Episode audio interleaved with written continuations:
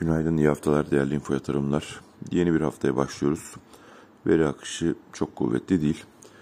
Ee, özellikle FED toplantısının ardından bütün piyasalarda yaşanan çalkantının yavaş yavaş dengelenmeye başladığını görüyoruz. Özellikle Powell'ın sonrasındaki açıklamaları, enflasyondaki yükselişin kalıcı olmasını beklemediğine yönelik açıklamaları bir miktar sakinleşmeyi beraberine getirdi. Ee, dolar endeksi 91.5'lar seviyesinde. Ee, içeride baktığımızda sabah saatlerinde 8.74'ler seviyesinde bir dolar kuru görüyoruz. Daha önce söylediklerimden farklı bir şey söylemeyeceğim bu konuyla ilgili. 8.58 hatta 8.50'nin üzerinde kaldığı sürece bu yüksek tansiyon devam edecek gibi gözüküyor. Şimdilik 8.80'leri aşmadığı sürece çok bir sorun yok gibi. Yeni bir e, atak beklememek lazım. Çünkü orası bir ikili tepeyi oluşturdu. Ancak 8.80 açılırsa hareketin bir kez daha hızlanmasını beklemek mümkün. Dip olarak 8.28 teyit edildi. E, maalesef uluslararası alanda dolar zayıflarken yararlanamamıştık. Ben Türk lirası bir değer kazanmamıştı. E, ama yukarı doğru e, dolarda bir kuvvetlenme işareti gördüğümüzde hızlıca yukarı gittiğimizi gördük. E, özellikle borcu olanların, şirketlerin, bireylerin e, olası geri çekilmelerde 8.50'lerin altında buraları alım fırsatı olarak kullanmalarında fayda olduğunu düşünüyorum. Dediğim gibi özetle 8.28 şimdilik dip.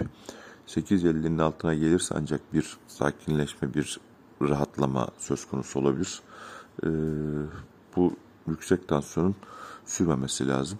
Ama 8.80 yukarı yönde aşılırsa artık hareketin bir kez daha e, sert biçimde yukarı doğru gitmesini beklemek mümkün. Çünkü bakılan bütün teknik analizler, bakılan bütün grafikler bunu işaret ediyor.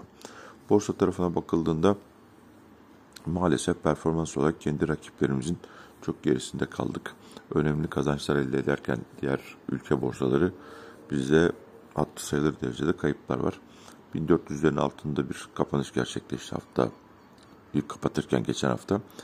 Ee, yeni hafta yatay sakin belki bir miktar bir pozitif başlangıç söz konusu olabilir. Ee, orada da farklı bir şey söylemeyeceğim. Yani yukarıda 100 gün aşağıda 200 günlük hareketli ortalama arasında sıkışmış gibi gözüküyor. 1400'ün üstünde kalmak ve altında kalmak psikolojik olarak önemli.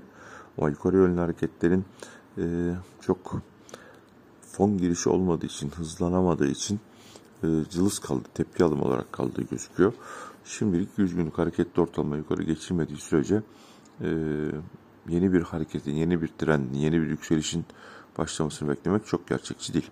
Ancak aşağı geldiğimizde 1400'lerin altında özellikle 1370 1385'lere doğru bir gerileme söz konusu olursa artık buraların alım için her vadede alım için değerlendirmesi gerektiğini düşünüyorum. Herkese iyi bir hafta diliyorum. Mutlu, sağlıklı, huzurlu, bol kazançlı. Sevgiler, saygılar, görüşmek üzere.